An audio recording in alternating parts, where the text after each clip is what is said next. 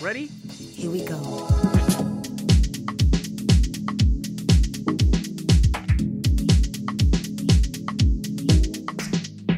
Hej! Välkommen med till Hantera dina fyrk. Här pratar vi om pengar och ekonomi. Med teman som är relevanta för oss alla. Jag heter Ronja. Och jag heter Ida. Och dessutom har vi med oss olika experter då vi diskuterar. Välkomna med.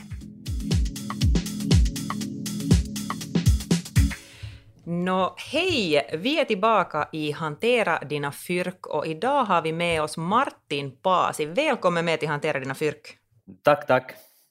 Det är helt otroligt roligt att ha med dig här och, och det där. Vi med Ida vet dig från Nordnet och från Rahapodi, men för de som kanske inte har hört ditt namn tidigare så vill du berätta lite om dig själv? Ja, alltså jag är, jag är en sån där person som när jag var ung så skulle jag inte ha kunnat vara mindre ointresserad av sådana här pengasaker. Jag fick lite sån här uppfostran hemifrån att pengar är sånt där som, som, som är lite liksom, eh, vad heter det, eh, som man inte ska fokusera på så mycket för att det är lite sådär genant och, och, och, på något sätt, något sätt sådant som hör till vars och en eget liv och, och, och så här. Och hur det nu sen var så, så hamnade jag sen på Svenska Handelshögskolan som det hette då för att läsa finansiell ekonomi och nationalekonomi som biämne och, och tyckte om liksom um, de verktyg som man fick därifrån. Och sen har jag nu gått liksom um, när jag blev färdig därifrån så har jag då, sen jobbat med, med allting inom det som man läst talar om kapitalmarknaden, allt från liksom aktietrader till förmögenhetsförvaltare till hedgefondförvaltare, uh, eh, chefsanalytiker på börsen och vd för tre finansbolag och, och, och sånt här. Och, och ändå så tog det tills jag var typ ungefär 38 för jag förstod de här liksom grundläggande sakerna som vi hoppeligen går igenom idag gällande, gällande liksom eh, långtidssparande och, och, och, aktier och aktiemarknaden och allt sånt här. Och det här kan ju låta ganska konstigt, men att, men att det där, men så var det bara. No, lite, lite så här kanske man har en sån förväntning att genast som någon säger att man har en ekonomisk utbildning så tänker man att man kommer ut från skolan och, och allt är liksom klart som korvspad, men att det är ju kanske inte alltid ändå så.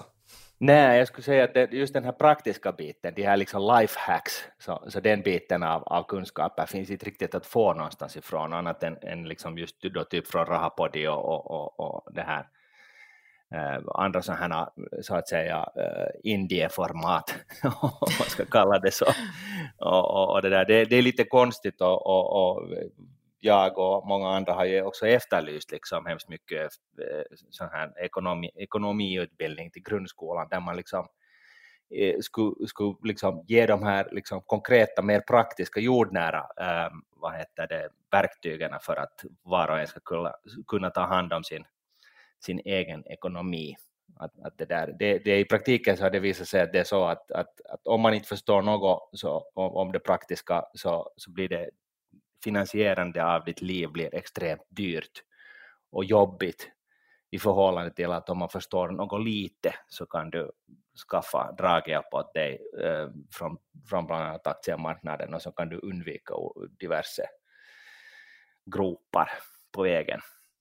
Och därför är ju den här nu helt jättebra att vi, vi får göra det här äh, uh, intervju med dig och den här podden för att det här, då får vi alla de här uh, knepiga sakerna um, får vi liksom uh, pratat igenom. Ja, absolut. Och det, därför tycker jag det är väldigt roligt och väldigt viktigt och, och bra och kiva att jag får vara med här nu och, och bidra. Jag gör så gott jag kan. Sen det finns säkert också saker som ni, ni, ni, ni vet bättre än jag för att jag är still liksom work in progress. Fast jag nu då börjar närma mig mina medelåldrar sådär och, och, och, och, har varit i branschen hur länge som helst allt det där. Men att det är just det att det, gör, det, är, det är en skillnad mellan det här liksom professionella high fly vad heter det, kunskaperna och sen den här liksom vardagsnära, jordnära biten där, där du verkligen kan kan göra, slösa bort en massa pengar eller så att säga undvika att, att få draghjälp till att finansiera ditt liv. Ja, och privatekonomi ska ju inte egentligen vara svårt, utan det är ju någonting som vi alla behöver liksom ta hand om och, och sköta om. Och, och det är jättekul att du säger det, just att du eller nämnde börsen här i ditt, i ditt öppnande, för det är ju precis det vi vill vill prata om idag, alltså börsen. Vad är det, hur kommer man dit, vad ska man göra där, varför borde man vara där och så vidare. Så, så det där, jag är helt säker på att vi får en massa bra svar idag av dig, hör du. Jag hoppas det. Men ja, ska vi dyka rakt in, hör du, vad är börsen? Det är en elektronisk marknadsplats, eh, eller en marknadsplats som har slipats till det sista. Så att det är i princip som, som uh, salutorget i Helsingfors, där på stranden, bara att man har gjort det liksom uh, hypereffektivt så att man på en gång får uh, alla, alla som är närvarande så kan så att säga rösta med sina pengar om vad en, vad en akties värde ska vara. Att om den är nu 10 och så kommer, vet, kommer det en god nyhet så, så ska den då, det där aktievärdet, priset genast återspegla den goda nyheten. Och, och om man tänker sig salutorget där så, så kan det ju ta en tid före alla, ska vi då säga 150 personer liksom lyckas säga sitt till den här samma killen som säljer något blåbär någonstans och, och, och buda upp priset, men att det där på aktiemarknaden så har man gjort det här liksom till system och, det där, och, och, och därför så är den väldigt effektiv på att, på att få all information att återspeglas i värdet på en aktie. Det, det, låter så fint när du säger så här, för jag menar ett torg det är ju så här jättebekant säkert för alla, oberoende var i Finland du bor så har du säkert växt upp med att du någon gång har gått till torget. Och mm. vem som helst får ju gå och handla till torget. Jag menar, ja. vill du ha lök eller fisk eller vad du vill ha så får ju alla gå dit och handla. Men hur är det på börsen, då får alla handla på börsen?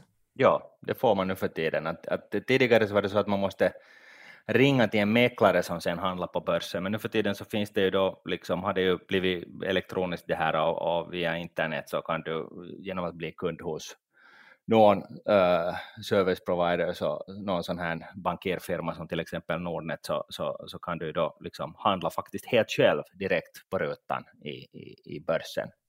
Men finns det någon åldersgräns? Får man, måste man vara jag tror att du måste att... faktiskt vara myndig, ja, det är sant. Sen å andra sidan så är ju inte det att man köper aktier direkt på börsen, det är inte det viktiga, det är inte liksom ett självändamål, utan, utan det oftast det effektivaste sättet att spara är att, att använda sig av en kostnadseffektiv så kallad indexfond uh, som där kostnaderna är väldigt låga, för då kan du med, med, med till och med bara 20 euro så kan du bli delägare i 500 aktier om det vill säga. Ja, så det är egentligen det som börsen handlar om då, för att det är en av våra frågor, att, att varför ska man gå dit och just det här med att bli delägare, det är väl lite det det handlar om egentligen. No, det handlar egentligen om det, men att, men att om vi liksom tar lite och backar bandet och tar lite helikopterperspektivet så handlar det egentligen om det att eh, den tillväxt som mänskligheten åstadkommer på planeten jorden, den återspeglas bäst, eller egentligen helt och hållet, eh, på börsen på lång sikt på kort sikt så fluktuerar börskurserna upp och ner och, och, det finns ingen som kan förutspå hur de går på kort sikt. Det finns en massa människor som påstår motsatsen men att, men att eh, det stämmer helt enkelt bara inte. Men att på lång sikt, och nu talar vi om tiotals år, så vet man att, att, att den tillväxt som mänskligheten åstadkommer, alltså den tillväxt i, i värdeskapande genom företag som, som gör eh, mera och bättre saker med mindre resurser, så den, den liksom tillväxten återspeglas i den tillväxt som vi ser på börsen. Och då är liksom idén den att genom att långtidsspara äh, att sätta sina pengar äh, till exempel då i en indexfond som investerar i en massa aktier för allas del, alla andelsägares del, så, så kommer du då, eh, blir du delaktig, du får liksom draghjälp av den här aktiemarknaden så att du, din, dina pengar växer ränta på ränta och, och, och, och, du liksom så att säga får, får en avkastning så att du inte behöver skapa alla dina pengar genom att jobba utan du kan de facto också få lite, lite draghjälp från aktiemarknaden till att finansiera ditt liv från ung till gammal. Så lite sådär som att pengarna jobbar för dig så att säga?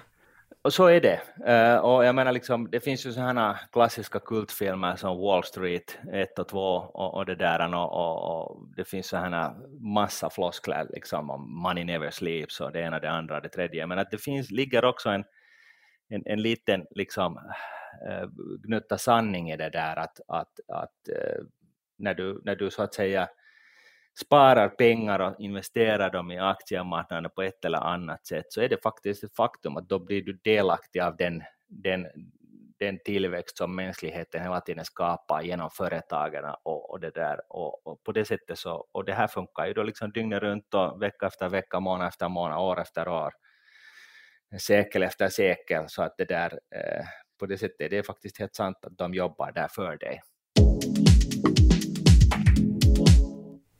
Nu har ju jag och Ida aldrig besökt liksom börsen fysiskt, men är det så där som i filmen att alla springer omkring som yra höns och, och det är jättehektiskt så här just som det är i filmerna? Du har ju liksom, du har ju erfarenhet här nu så nu vill vi ju veta hur det är på riktigt.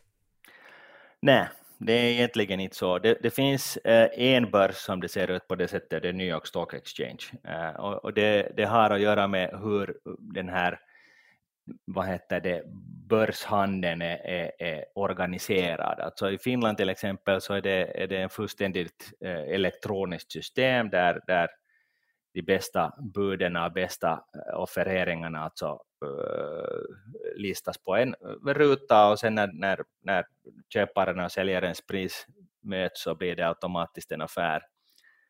Eh, på New York Stock Exchange som är då, då där på Wall Street på Manhattan i New York, USA, så, så, det där, så där har man ehm, av filosofiska orsaker och på grund av tradition så har man då valt att ha liksom, eh, folk som springer så att säga eller är på, på börsgolvet. Och, och man anser då att man, man kan genom att ha liksom, det är i princip ett e, elektroniskt system, i, i, nu, nu, i dagsläget så är det i princip ett, ett, ett fullständigt elektroniskt system, men just där före köparen och säljarens eh, pris träffar varandra så finns det en människa emellan och, och, och den här människan försöker eh, försäkra en möjligast smidig och sanningsenlig eh, affärsbildning. Så att det, det är liksom så att där finns det, men på de, praktiskt taget alla andra börser så, så är det nu för tiden helt och hållet elektroniskt. Ja, du nämnde där att flera andra börser, så det betyder alltså att eh, den som, eh, den som är i New York är inte den enda då, så att säga?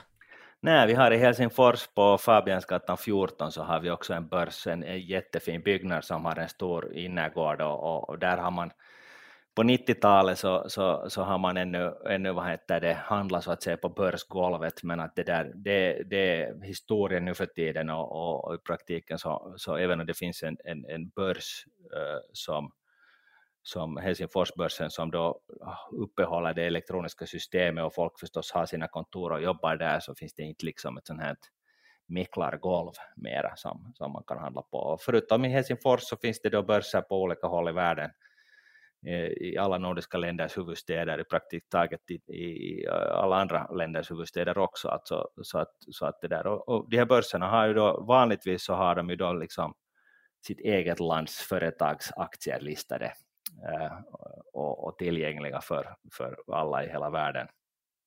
Men att det där, eh, sen så här stora, eh, vad heter det, väldigt kända börser så kan också ha utländska aktiers aktier listade på sin börs. Så att det är inte liksom på något sätt uteslutet. Men att, men att så där i grova slingor så är det i princip så att alla, det finns en börs i var, vart lands huvudstad. Okej, så man kan med andra ord alltså handla um, andra bolag från andra länder?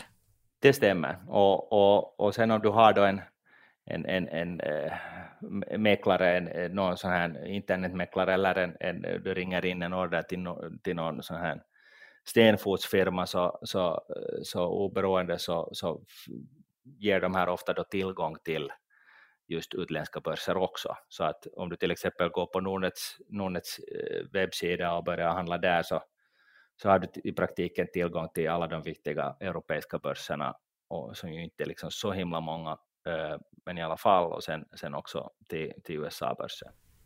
Okej, nu sa du sådär att i Finland så är det då ofta de, de finska bolagen, men är det så att alla bolag finns på börsen då? Nej, det finns också de bolag som är så att säga olistade eller privatägda som man kallar det. Och, och, och då, då är det lite så här att om man tänker på till exempel från spelvärlden på Supercell som, som, som vad heter det, uh, i tiderna uh, eller tar vi, tar vi Rovio till exempel med Angry Birds, så, så, med spelet Angry Birds, så det var ju först då ett privatägt bolag, det var några killar som startade och, och så fick de en, en, en otrolig framgång med sin, sin Angry Birds-spel och, och det där. Och sedermera har de vad heter det, börslista sig och, och, och, det där. Och då liksom handlar det i princip om, det finns liksom uh, olika behov, eh, liksom, uh, motiv för att börslista sig. Ena är det att de som har startat företag kan sälja sina aktier och, och så att säga casha in stora förmögenheter. Men den egentliga orsaken varför folk, eller företag finns på börsen så handlar om att, att eh, företagen på det sättet får Eh, finansiering i form av så kallat eget kapital.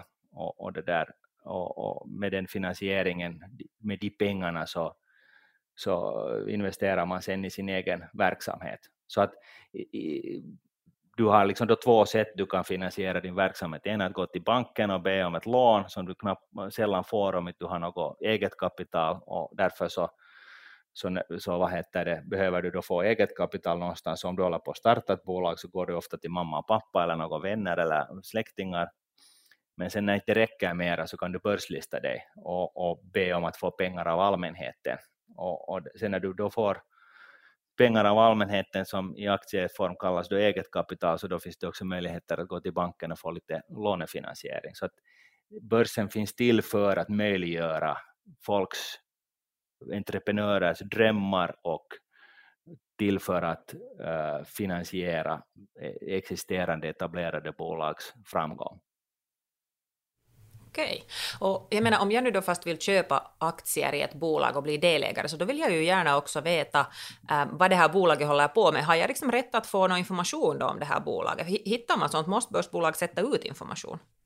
Det är en jättebra fråga och svaret är jo. Eh, och, och, och, det, där, eh, det är just så att när ett börsbolag sen då börslistas så ställs det eh, olika tunga krav på transparens, det vill säga att man liksom, publiken har möjligast fullständig insikt in i företagets finanser och framgång och, och händelser och, och det, där, det, det ställs då alltså ett, helt enkelt ett, ett publik, publicitetskrav på de bolag som, som är på börsen och fyller de inte de här kraven så, så kan, det, kan börsplatsen då ta till diverse åtgärder. Så det här är ju någonting som, som, är, som då liksom också bidrar till att, att man kan med förhållandevis stor säkerhet utgå ifrån att all information som är av relevans äh, finns publikt tillgänglig när ett bolag är börslistat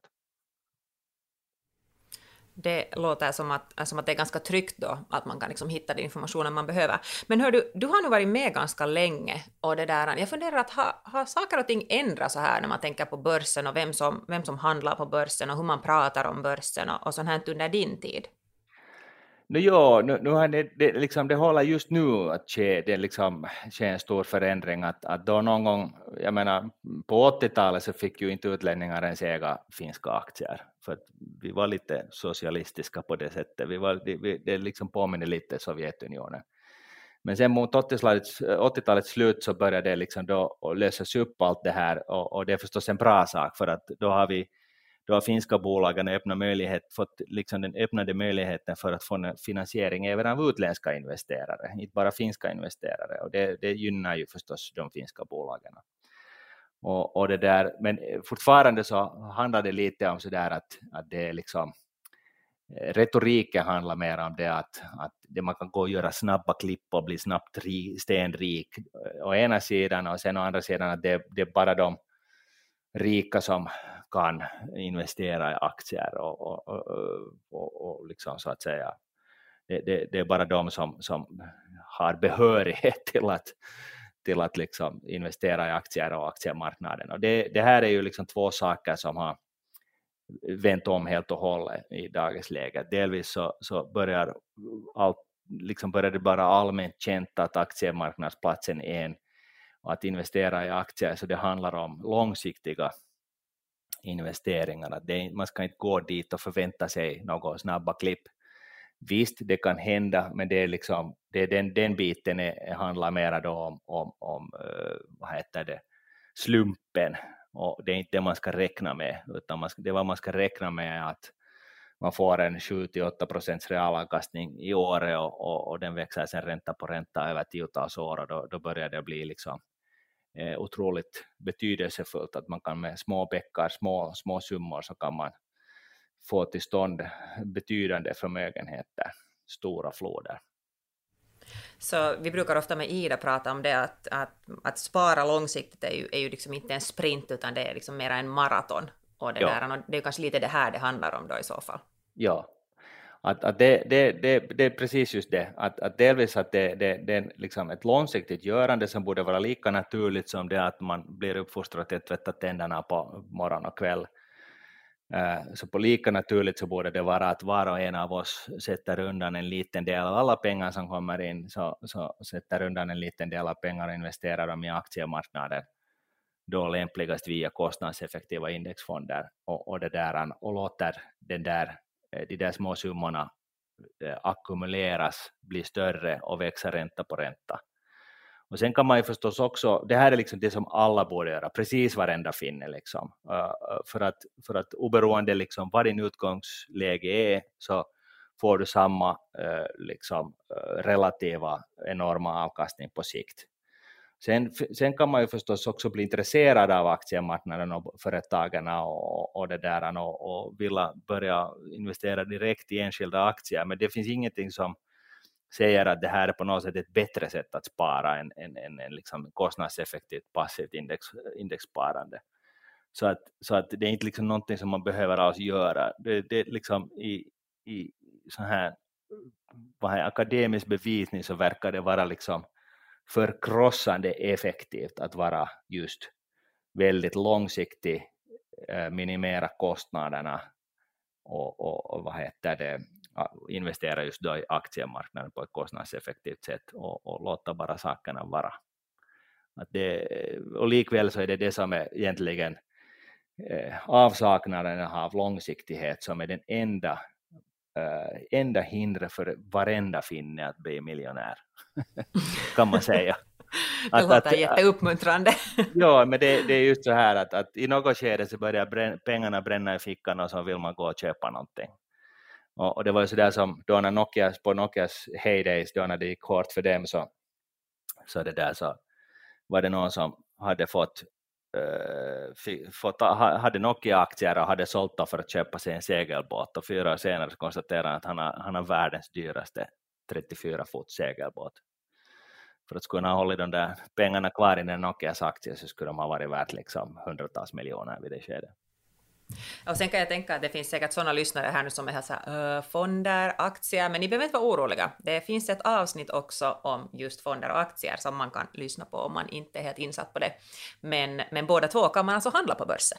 Ja, och det egentligen handlar om precis samma sak. Man investerar i slutändan så investerar man i aktier på börsen. I ena, ena skedet så gör du det direkt du, du har ett konto och en, en, en sån här handelsplattform till exempel via Nordnet och, och, och, så köper du en viss aktie med dina egna pengar eller så köper du en fond uh, som har massor med eh, andra som du som har alla pullat ihop sina pengar till en stor hög och sen är det fonden som köper uh, en massa aktier till sin portfölj och alla, alla som har köpt andelar i fonden är så att säga delägare i den här stora portföljen och fördelen med det här är att det blir kostnadseffektivare, skatteeffektivt och du kommer åt en stor diversifierad riskspridd portfölj med små summor. Du kan inte liksom gå med 20 euro och köpa 30 stycken aktier, men kan, med 20 euro kan du köpa andelar i en fond som äger 30 stycken aktier.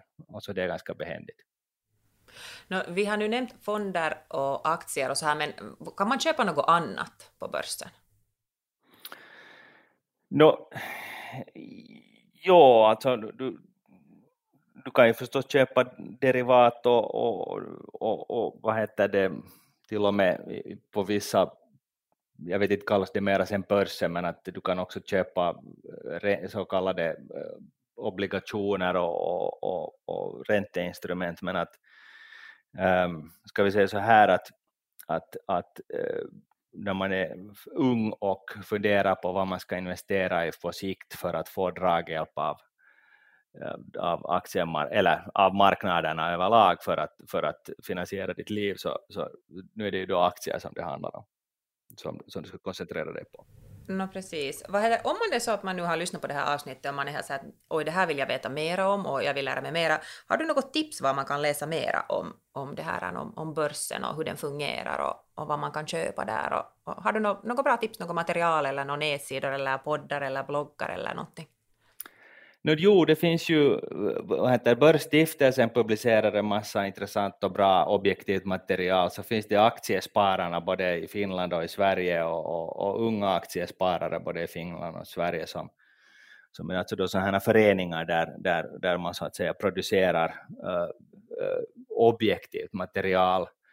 Um, och sen finns det ju förstås en massa podcasts som till exempel då den som vi har på Nordnet uh, här i Finland som kallas Rahapodi, Ehm, där vi då snackar då ganska högt och brett liksom om saker som är relaterat till ekonomin, men sen finns det då Sparpodden i Sverige, eh, också på Nordnet, den går på svenska och, och, och, överlag så finns det en massa podcast som handlar om det här, men det var man ska alltid tänka på att att, att um, vem det är som så att säga uttalar sig. Och eh, utgångsläge eh, där roligt nog Nordnet kanske utgör ett undantag. Så utgångsläget är det att banker och eh, mäklarfirmor, så de har ett intresse i att se till att människor handlar möjligast mycket eftersom de får betalt för det att, man, att kunderna köper och säljer aktier väldigt mycket. De får ju inga pengar om du köper och bara sitter på de där, dina investeringar. Så, så därför så,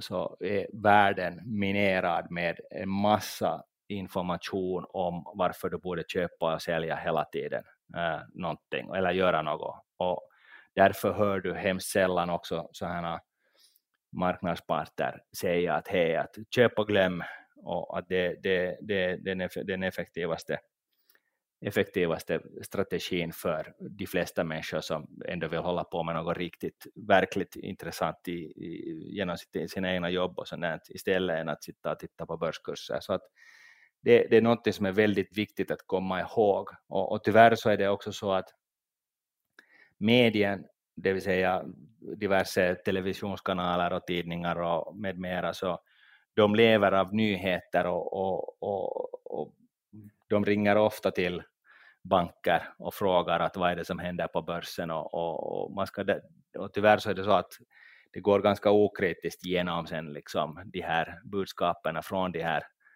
bankerna och mäklerihusen genom medien ut i, i allmänheten och, och, man får ofta en sån bild av att man borde hela tiden göra någonting och följa med och hitta dit och ha sig.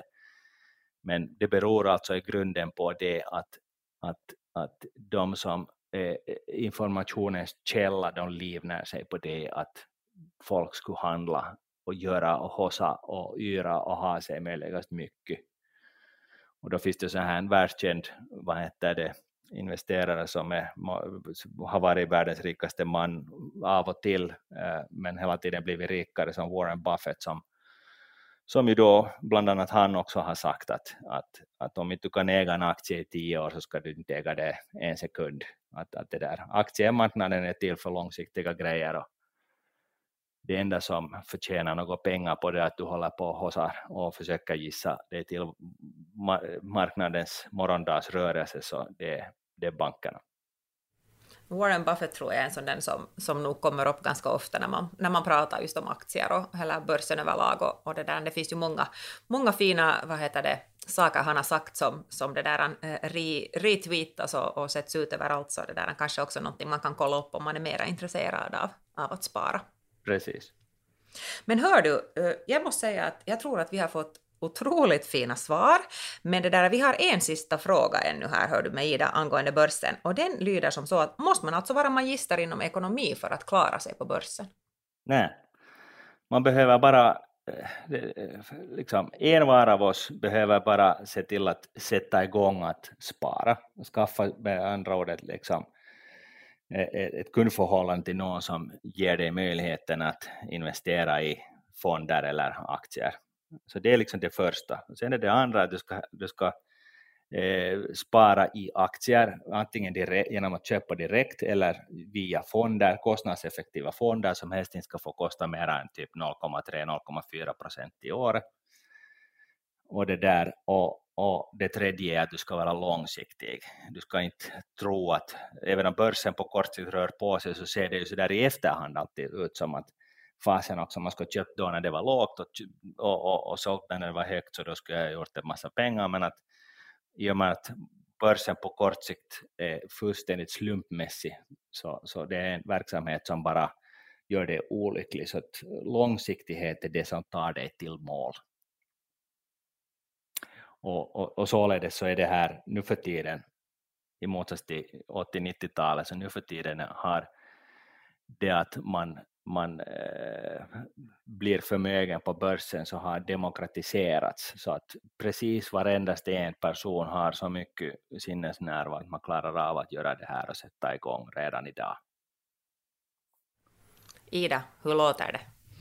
Intressant. Här är jag ännu fast jag inte har hört av mig alls under den här inspelningen, men det låter faktiskt jätteintressant och det är ju det som vi vill att människor ska höra om de här sakerna och lära sig om de här så tidigt som möjligt för att då få den där långsiktiga um, som du Martin pratar om, just det där ja. att man ska börja så tidigt som möjligt och spara. Så det var jättebra att du tog upp det ännu här till sist. Uh, men jag tror att här, den här intervjun var här och vi får tacka dig Martin massor. Tack att du kom med och Um, ja, det var väl det. Eller? tack, tack, tack ska ni ha. Det var kiva att vara med. Bra. Och det där, ni ska inte missa våra andra avsnitt som Martin är med i och det där, hoppas ni fick någonting ut av det här. Den här podden produceras av Finlandssvenska ungdomsförbund i samarbete med oss från Etasova Spara. För mera info, gå in och kolla webbsidan fsu.fi fyrk och följ oss på Instagram.